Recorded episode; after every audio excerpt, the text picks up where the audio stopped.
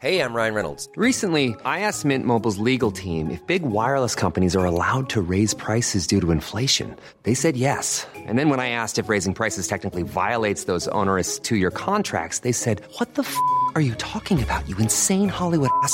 So to recap, we're cutting the price of Mint Unlimited from $30 a month to just $15 a month. Give it a try at mintmobile.com slash switch. $45 upfront for three months plus taxes and fees. Promo rate for new customers for limited time. Unlimited more than 40 gigabytes per month. Slows. Full terms at mintmobile.com. Hey, it's Ryan Reynolds, and I'm here with Keith, co star of my upcoming film, If, only in theaters, May 17th. Do you want to tell people the big news? All right, I'll do it. Sign up now and you'll get unlimited for $15 a month in six months of Paramount Plus Essential Plan on us. mintmobile.com slash switch. Upfront payment of $45 equivalent to $15 per month. Unlimited over 40 gigabytes per month. Face lower speeds. Videos at 480p. Active Mint customers by 531.24 get six months of Paramount Plus Essential Plan. Auto renews after six months. Offer ends May 31st, 2024. Separate Paramount Plus registration required. Terms and conditions apply if rated PG. Hej och välkomna till en lillelördag där vi, ja vågar vi säga firar lilla Anita. Ja, vilken reaktion som bara välde upp inom oss utan att vi hade en aning om att det skulle bli så. Det var Ja. ju som att eh, Sverige hade tagit någon form av VM-medalj i någon typ av sport. Vilken sport? Eh, Snusksporten eller?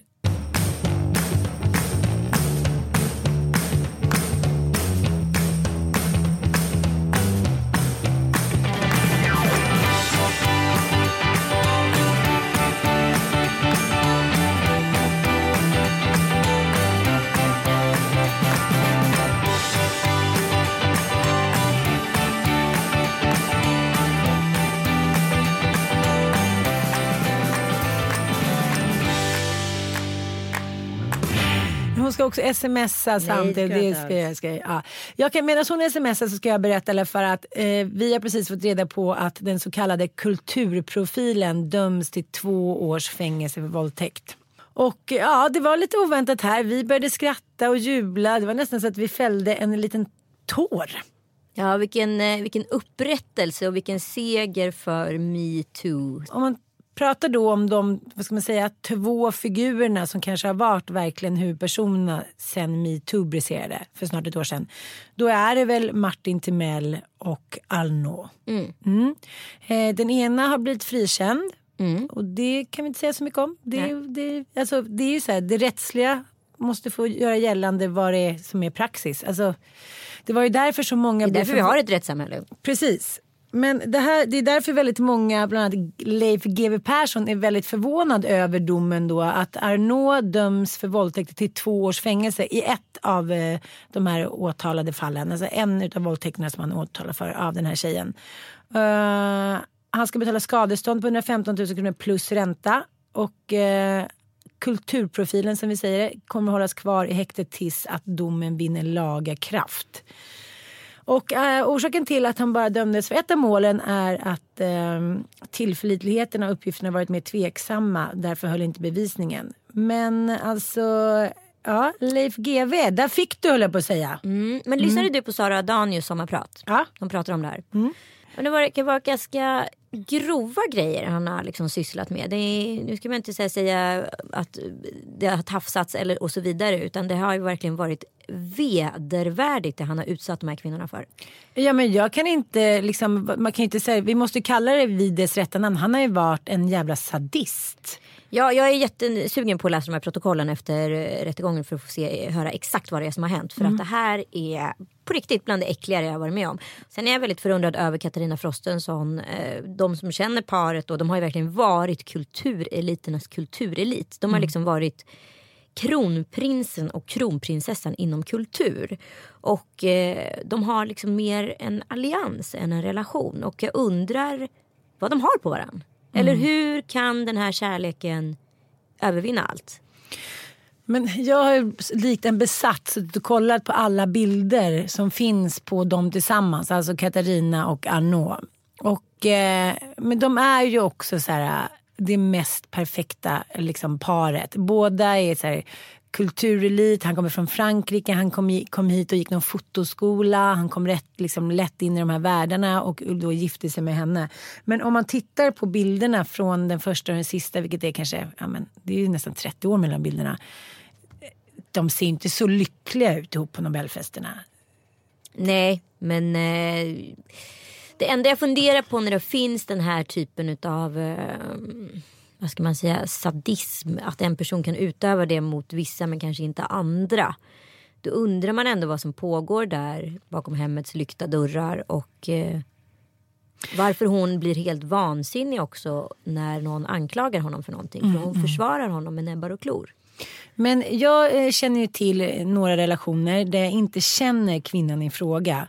Där det alltid är så när man är på middag eller någon fest med dem så går hon likt Askungen hem. Lagom till tolvrycket när han börjar bli onykter, börjar tafsa, börjar titta lite mer på tjejer och sådär. Och det här är också liksom kulturella, det här är liksom kulturmänniskor med hög svansföring. Och då tänker jag så här, för det här pratar man ju alltid efter och så ska man säga någonting liksom, jag känner inte ens någon av de här två kvinnorna. Men då känner jag så här, ibland, det är liksom lite för obvious på något sätt.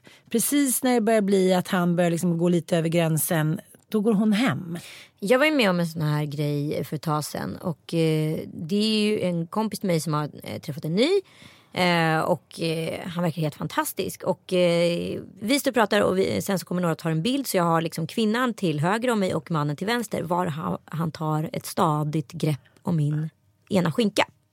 Så jag är ju liksom gisslantagen på den här bilden eh, av den här mannen. Och eh, jag blir så chockad. Plus att så här, jag vill ju inte så här. Hon är supernykär och gått igenom en ganska traumatisk liksom, separation och så vidare. Då vill man ju inte rasera hennes nya relation genom att outa honom som det metoo-svin som han faktiskt var. Och så frågar jag runt bland vänner så här, som känner honom lite, för jag känner inte honom speciellt bra. Nej men han är bara sån, han är bara extremt kärleksfull var omskrivningen. Jaha, med grabbar tag i arslet? Det är tydligen kärleksfullt. Jaha, aldrig varit med om. Eller liksom... Och då kan han i sådana fall göra det när hon ser på. Eller? Jag tycker det här var jävligt intressant också. Du vet Musse Hasselvall. Han är tv-profil och brottare kan man väl säga. Ja. Han pratade ju om det där. eh, Han har pratat om det liksom i media men vi pratade också om det någon gång när vi fikade. Just det där att han liksom inte har tänkt sig för innan metoo. Gått och småtafsat lite, sin flickvän tjatat, bla bla bla.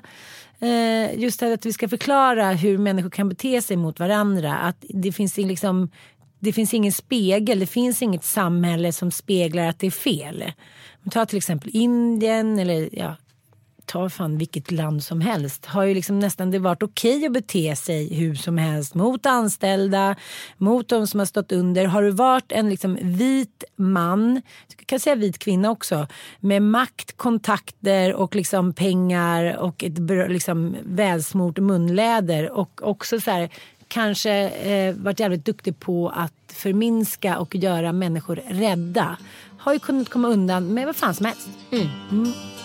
Det är lite som Björn Afzelius låt. Ska vi lyssna på den?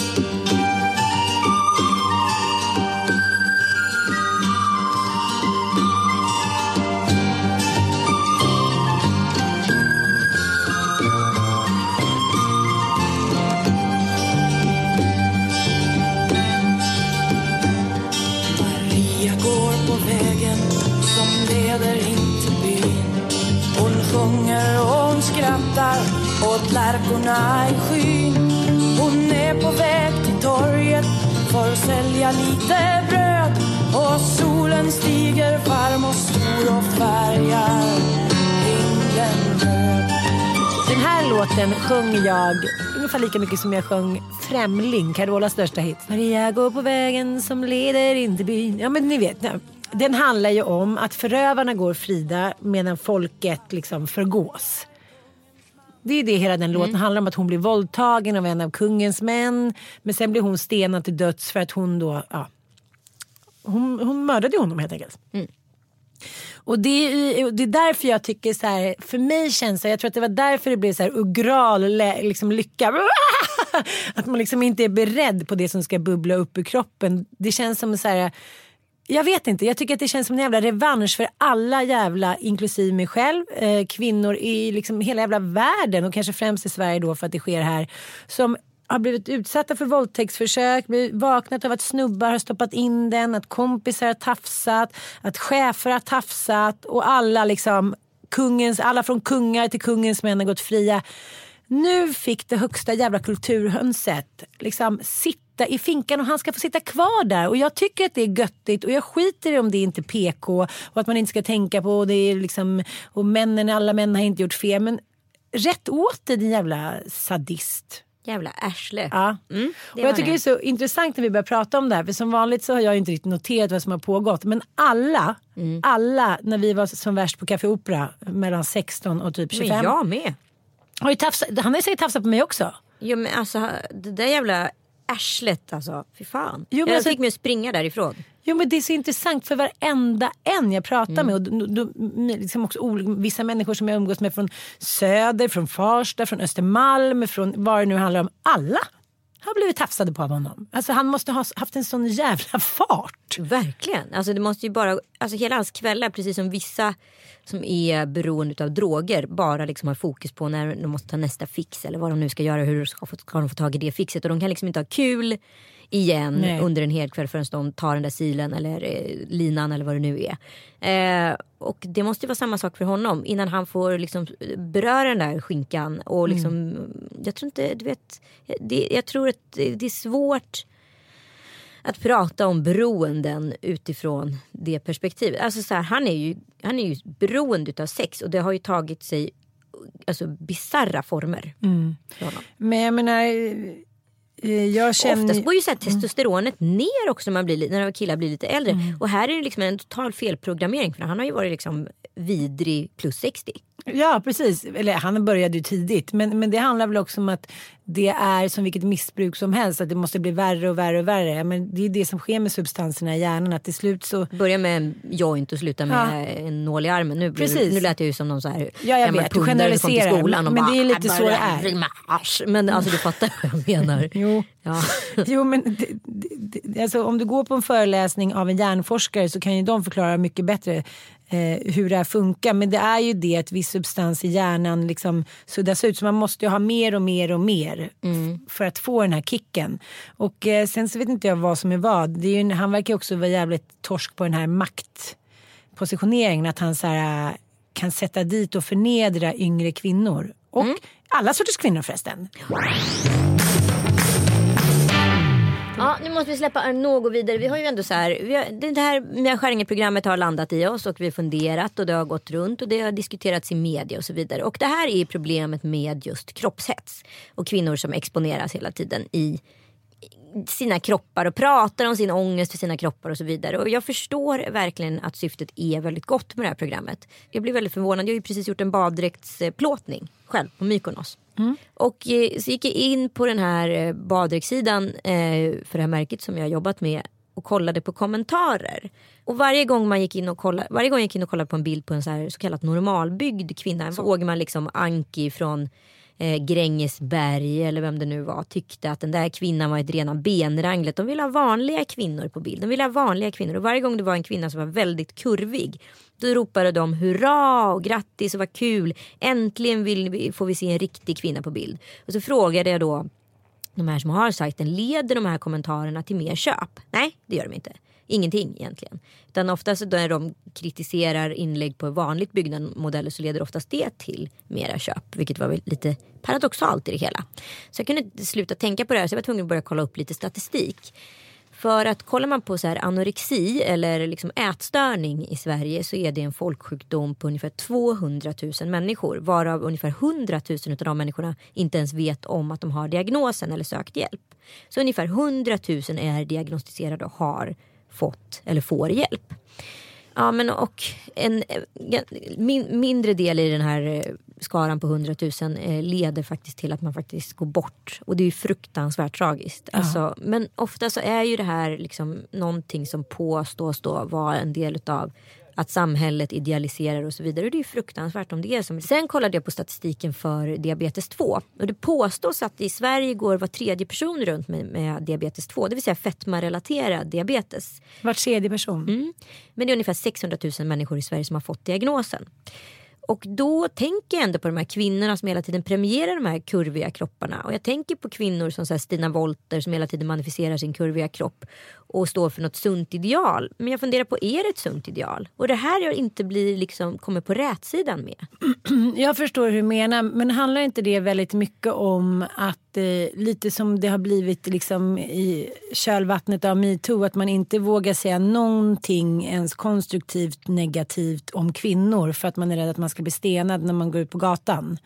Handlar inte det lite om det här också, att så här, alla alla kvinnor ska vara vackra, alla kroppar ska vara vackra. Eh, att det ska liksom, allting ska okejas. Och då så bara skjuter vi det där lite under stolen det där att det faktiskt är för farligt för din hälsa och i, i längden för ditt liv. Mm. Och eh, jag tänker lite så här, jag tycker Lisa Magnusson som är skribent på DN, hon eh, skrev ta på er kläderna feminister. Hon tycker att det, det sorgligaste hon vet är att det finns fettaktivister skriver hon.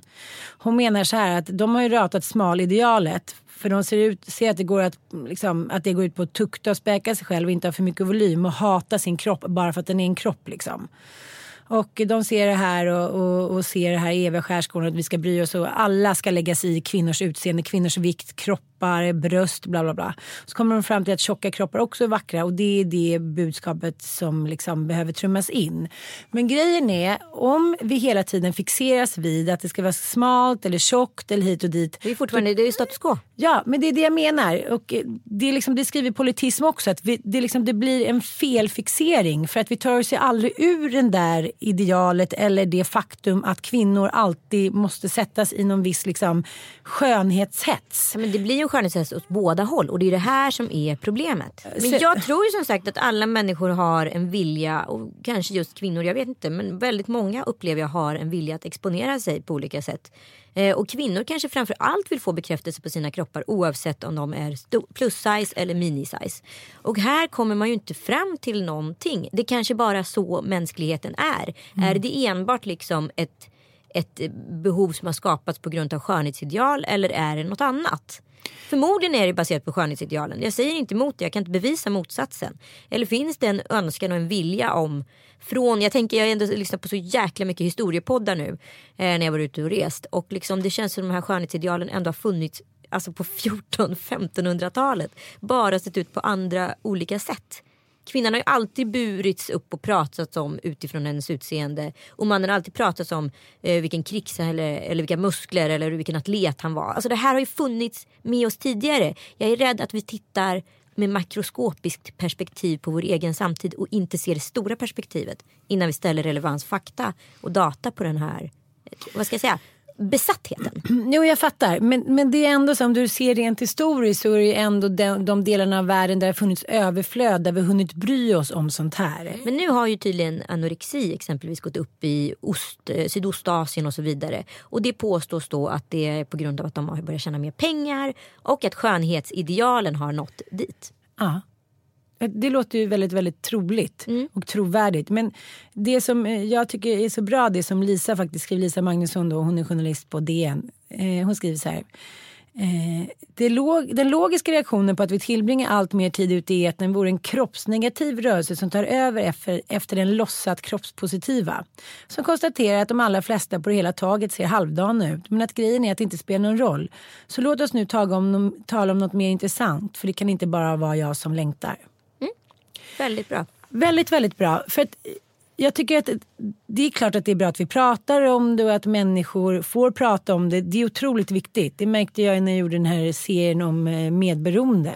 Att från att man liksom har kom fram tjejer och killar och män och gamlingar så här, som inte har sagt någonting till någon på 25 år utan bara suttit i, liksom, i soffan och sett sin alkoholiserade man eller kvinna öppna viner efter vinare i 25 år utan att säga ett ord om det. Mm. Det är liksom ett ovärdigt liv. Det är samma sak här. Det är klart att vi måste prata om det. Men jag säger lite som Lisa Magnusson.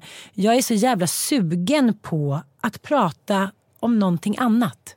Att så här, okej, okay, vi ser ut så här och du ser ut så här. Och liksom lite så här, jag är så besatt nu av att jag vill att allting ska vara Hans Roslingskt. Mm. Hur är det egentligen det som du säger så här, om man har nu då 40 kilos övervikt. Ja, då kanske man inte mår så bra och det kommer inte leda till någonting bra. Man får dålig kondition, man får problem med hjärtat, man får problem med kroppen och knäna och lederna.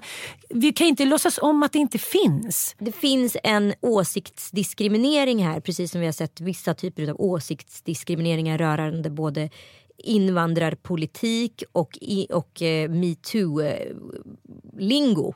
Förstår du? Att så här, Vissa saker får vi helt enkelt inte yttra för då är vi ditten eller datten och fan ta dig om du är det. Så där ligger egentligen fokus på vem du är som yttrar eller ifrågasätter eller tar en ståndpunkt eller en åsikt.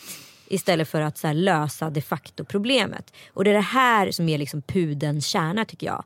Vi fokuserar på helt fel grejer. Men samtidigt så, eh, jag pratade med Charlotta Björk som är, eh, ja, vad ska man säga, men feminist och pol, liksom, politisk åsiktsmaskin och eh, humorissa på nätet. Och hon sa en grej som jag också tyckte var ganska intressant när vi kom in på det här. För vi pratade om de här två artiklarna. Dels den som finns i DN och den som finns i Politism. Att det, liksom, ja, det hamnar ändå fel ett sånt program som Kroppshetser. Det hamnar inte vid pudens kärna. Liksom. Nej. Och då sa hon det, det som jag tycker är tråkigt, för hon är ju liksom några size större, att man, man hela tiden avfärdar liksom tjocka människor, större människor som att man inte kan träna till exempel om man är tjock, att man inte kan ha bra kondition hit och dit. Det är också liksom en sanning med modifikation, att man bara sitter där hemma och liksom uh, Det är klart att det finns, att man kan liksom vara stor och leva ett liksom eh, vad ska jag säga, ett hälsosamt liv, liksom aktivt liv. Ja, Ja, så att så här, ja, det är svårt att ge sig in i det här. Det enda som bara fastnar i mitt huvud det är just det där som Lisa Magnusson skriver. Problemet det jag ser det är ju att vi har ju varit inne i det så kallade ett nytt 90-tal nu med det här årtiondet. För vi är inne i en vi-era. Och vi är rakt eh, och varje liksom decennier tenderar ju att liksom ge signaler vad nästa decennium kommer handla om. Och då inser jag att så här, vi är rakt på väg in i ett nytt 80-tal eller 00-tal, det vill säga en ny bikini-era. Och det har jag ju pratat om för ett år sedan och två år sedan. Att de tendenser jag ser på Instagram, att det är dit vi är på väg. Så att det här kommer vara aktuellt och folk kommer skita i Lisa Magnussons åsikter i ungefär sju år till. Ja, det kan jag tänka mig. Men jag, jag, jag håller med om det där att det är väldigt lätt att så här, nästan alla jag känner eh, som är väldigt smala och vältränade ska inte låtsas om att det ligger något arbete bakom. Förstår du? Ja, absolut. Så man sitter ibland på en så, så kallad influencerlunch och det kommer in en efterrätt och alla är så här, åh gud vad gott, åh Och så gud tar man vad bilder. gott. Så tar man bilder och så är det ingen som smakar. Ja, förutom jag. och jag tänkte lite på det, du får inte ta det här fel nu. Nej, absolut inte. Men jag tänkte också så här, jag tycker ju att du är världens vackraste och finaste på alla sätt. Men så tänkte jag så här, på de här bikinibilderna som du la ut när du var på Mykonos. Så tänker jag så här, men de, tjejerna som var lite yngre de satt ganska avslappnat så här, men liksom lite i sån ihopsjunken pås. Du stod lite så här på sidan, lite sträckte på dig och ut med rumpan. Det kanske inte var någon tanke. Nej, det hängde mer ihop med längd. Jaha, okej, okej. För okej. att så här, om jag hade sjunkit ihop på lite, det hade sett ut som en femåring bredvid Jossan som ändå är 1,80. Jaha. Ja. Ja. men då tänkte jag så här att det hade varit härligt. Det kanske hade, att det bara sett ut som en liten apa. Förstår lite vad jag menar? Att det hade varit härligt om du kanske, som när du och jag har varit utomlands, när du bara kommer upp och har ditt superkrulliga hår och är så här ovanligt vacker för din ålder, om nu får säga så, och ser väldigt ung ut det. Eh, och har så fin hy och fin kropp. Så hade det varit skönt om du bara satt där med ditt krassehår och lite, liksom, ja, lite mer ihopsjunken då. Men då blev det ändå att du levde upp lite till det där med löshår och stå lite svankat. men Förstår du vad jag menar? Ja, Tänkte absolut. du något på det själv? Absolut, men det fanns en inre plan i mig också att differentiera den modellpersonen från mig själv. Att jag så här, jag har ändå en del tunga kunder liksom, som kanske inte alla uppskattar den typen av grej. För det här är någonting som är kopplat 100% med sociala medier. Det här är ingenting med det jag gör för andra bolag. Liksom. Och då handlar det också om för mig att differentiera så att jag nästan gick in i en karaktär. Ja, det var i alla fall så jag såg på det. Sen vet jag inte om det är uppenbart att det är kommunicerat eller att det bara ser ut som att jag är en komplexfylld varelse som vill se Men nu kommunicerar- 15 år yngre ut än vad jag är. Nej men du förstår ändå Ja, vad ja. jag menar. Absolut, men jag hade till och med linser, alltså så här, grå linser på en av fotograferingarna bara för att så här.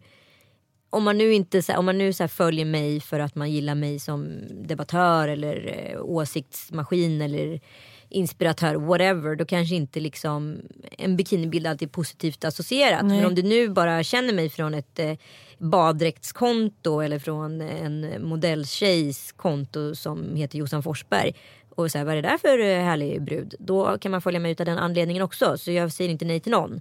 Men det finns två olika anledningar att följa mig. Så jag tror inte liksom de som följer mig för min åsiktsmaskin har ju inte liksom, ska inte bli skadade av att jag har gjort ett baddräktsutvik utan det är snarare för att locka en ny publik. Mm. Ja, men jag tänker att om såna här grejer kanske skulle vara lite mer out in the open air eller så här, många tjejer som är influencers som säger så här, men jag visar kläder eller jag är modell hit och dit. Så att då är det så här, att jag kan inte äta massa efterrätter och jag måste träna som ett svin och tänka på vad jag äter. Jag håller på mycket med mitt utseende och det kanske håller ett par år till och sen så kanske jag skiter i det.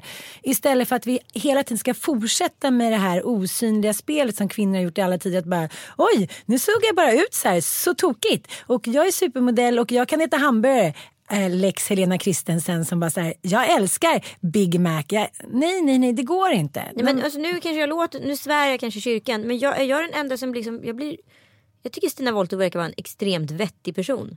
Men jag kan inte förstå mig på hennes Instagramkonto. Jag kan inte förstå. Jag kommer själv ihåg att så här, när jag var lite större efter jag hade fått barn. Att då fanns det liksom ingenting med min kropp som var heligt. Då kunde jag få exponera den och inte få någon skit för det. Förstår du? Ja. Att det blev en omskrivning fast syf- syftet var ändå detsamma. Du hade en frizon under ett tag. Exakt.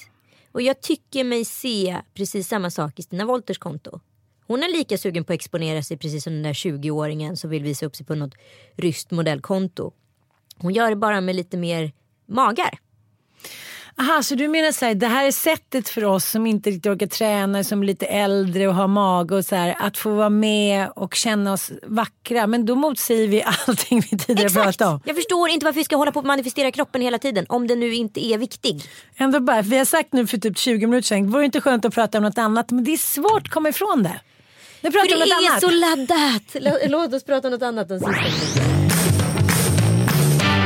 Okej, då tycker jag att vi pratar lite om kärlek. För jag kan tycka att eh, precis när man känner att, att saker och ting kanske är väldigt i mörker så kan de bli lite ljusare. Man kan bli lite kär igen och så här. Don't give up. Det gäller bara att så älska och stå för den man älskar tycker jag. Det är inte alltid lätt. Ja, men jag träffade i alla fall en man på en middag för ett par veckor sedan. Och eh, han vad heter det, hade precis förlovat sig med sin eh, respektive. Jag har känt den här mannen i många år. Eh, och han var ändå liksom lite personlig med mig och var liksom så här, hon satt på andra sidan bordet och var så här, hon är inte så kreddig. Jag bara, vad menar du? Nej men hon är inte cool liksom. Så jag, jag, tyckte, jag tyckte det var jävligt jobbigt med att här, vara ihop med henne och stå för henne. Eh, och det kanske är mo- omoget av mig. Jag kanske bara skulle respektera henne Ja. för den hon är. Man bara så här, börjar så här, red alarm alert. Och det här är en man runt 50. Han tyckte då att det var lite pinsamt att du inte, vadå, inte så cool och kreddig och snygg. Eller jag hon förstår är inte. bara snäll. Och då sa Aha, jag så här. okej. Det här är kanske det värsta jag hört i hela mitt liv. På riktigt. Jag blev så oerhört provocerad. Han liksom förminskade den enda goda mänskliga egenskapen. För att han ville vara ihop med någon som han kunde se bra med i, i det offentliga. Och liksom på pappret och inför sig själv allra mest. Ja, och det är väl där inför sig själv allra mest att han kunde känna att så här, wow, jag är ihop med hon. Hur coolt är inte det? Han tyckte att det hade varit så jobbigt för honom att bara acceptera att han vill ha en snäll kvinna. Eh, för att det hade kostat väldigt mycket. Men nu hade han landat i beslutet och kände sig ändå tillfreds med det. 50 år av hans liv har han alltså försökt eh, liksom, bekräfta sig i det offentliga rummet och i det privata. Alltså hans egna tankar associerat med den personen han lever med. Eh, och i hans förra relation hade inte gått så bra för att där hade de bråkat så mycket och för att båda var två elitister som båda ville. Det låter skitbra. Ja men, eh, men på pappret såg de väldigt bra ut ihop. Och det, han var helt låst vid det i flera år sa han. Och då tänker jag att det här kanske är ett mycket vanligare fenomen än vad man kanske tror. Absolut, gud. Jag, nu sätter det igång så mycket griller i huvudet på mig. Och jag tänker så här, man ska inte underskatta den liksom inre fåfängan som man har. Man tror alltid att det handlar om att andra ska se, att andra ska höra, att man ska stå där på estraderna och liksom älskas av pöbeln. Men det handlar inte om det. Det handlar lika mycket om att man mindfuckar sig själv. Annars skulle inte folk göra det i så stor utgrad. Stor utsträckning.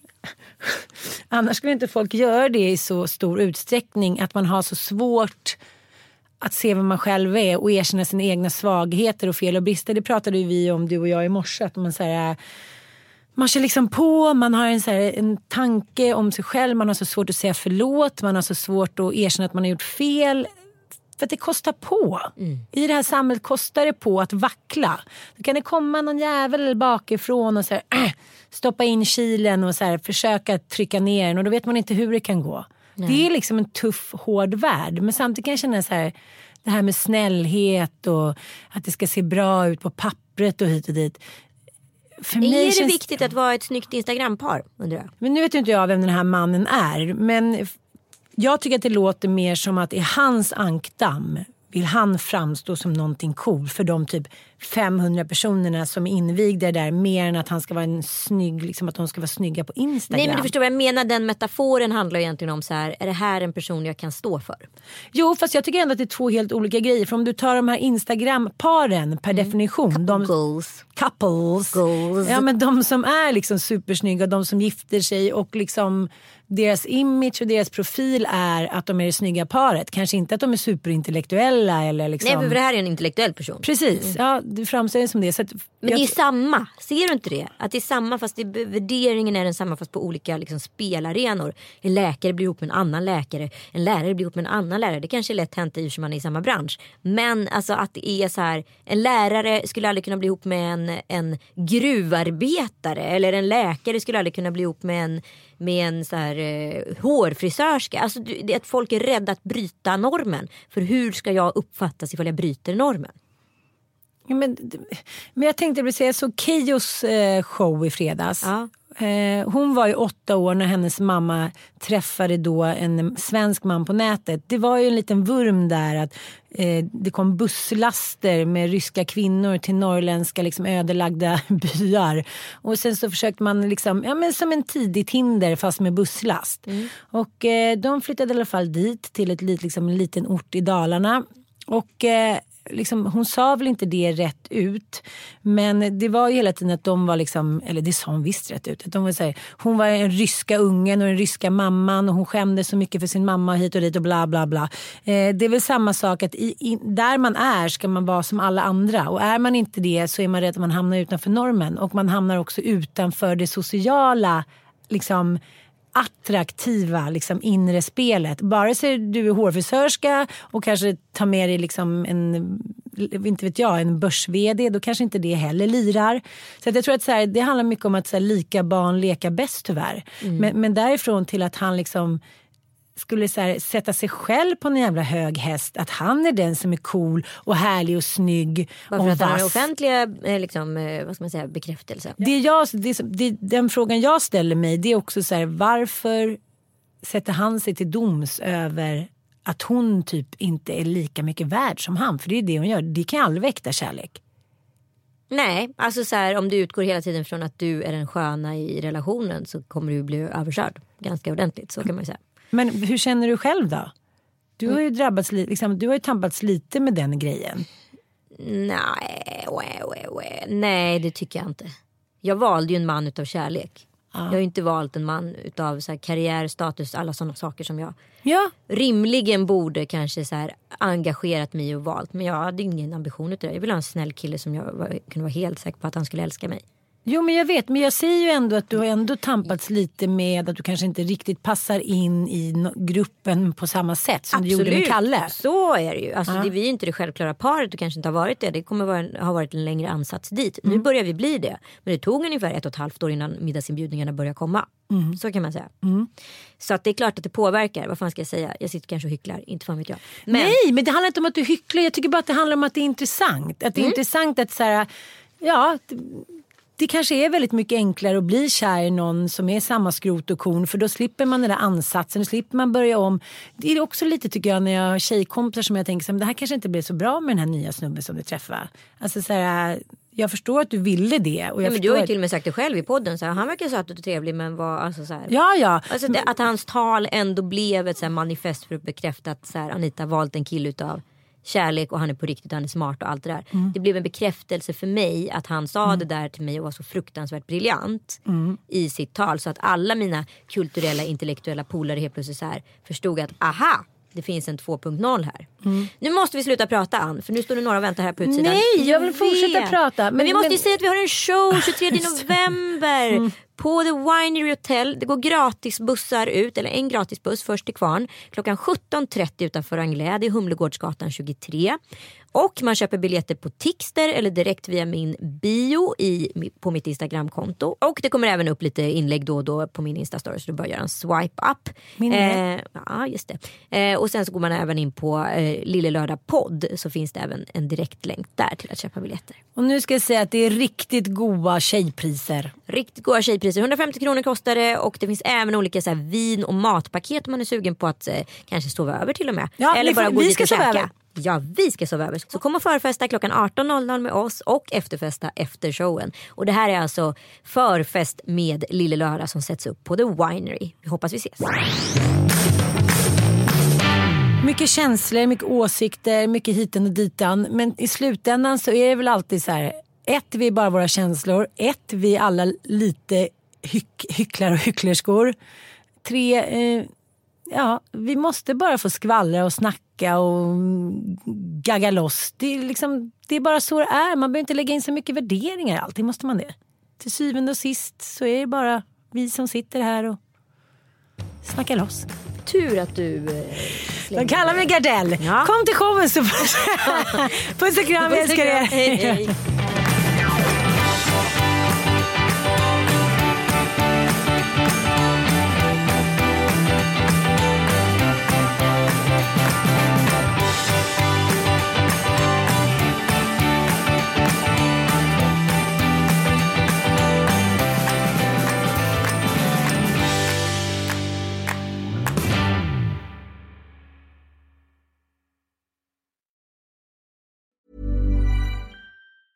Ever catch yourself eating the same flavorless dinner three days in a row? Dreaming of something better? Well, HelloFresh is your guilt-free dream come true, baby. It's me, Kiki Palmer. Let's wake up those taste buds with hot, juicy pecan-crusted chicken or garlic butter shrimp scampi. Mm. Hello Fresh. Stop dreaming of all the delicious possibilities and dig in at HelloFresh.com. Let's get this dinner party started. Hey, it's Paige DeSorbo from Giggly Squad. High quality fashion without the price tag. Say hello to Quince. I'm snagging high-end essentials like cozy cashmere sweaters, sleek leather jackets, fine jewelry, and so much more. With Quince being 50 to 80% less than similar brands. And they partner with factories that prioritize safe, ethical, and responsible manufacturing. I love that. Luxury quality within reach. Go to quince.com slash style to get free shipping and 365 day returns on your next order. Quince.com slash style.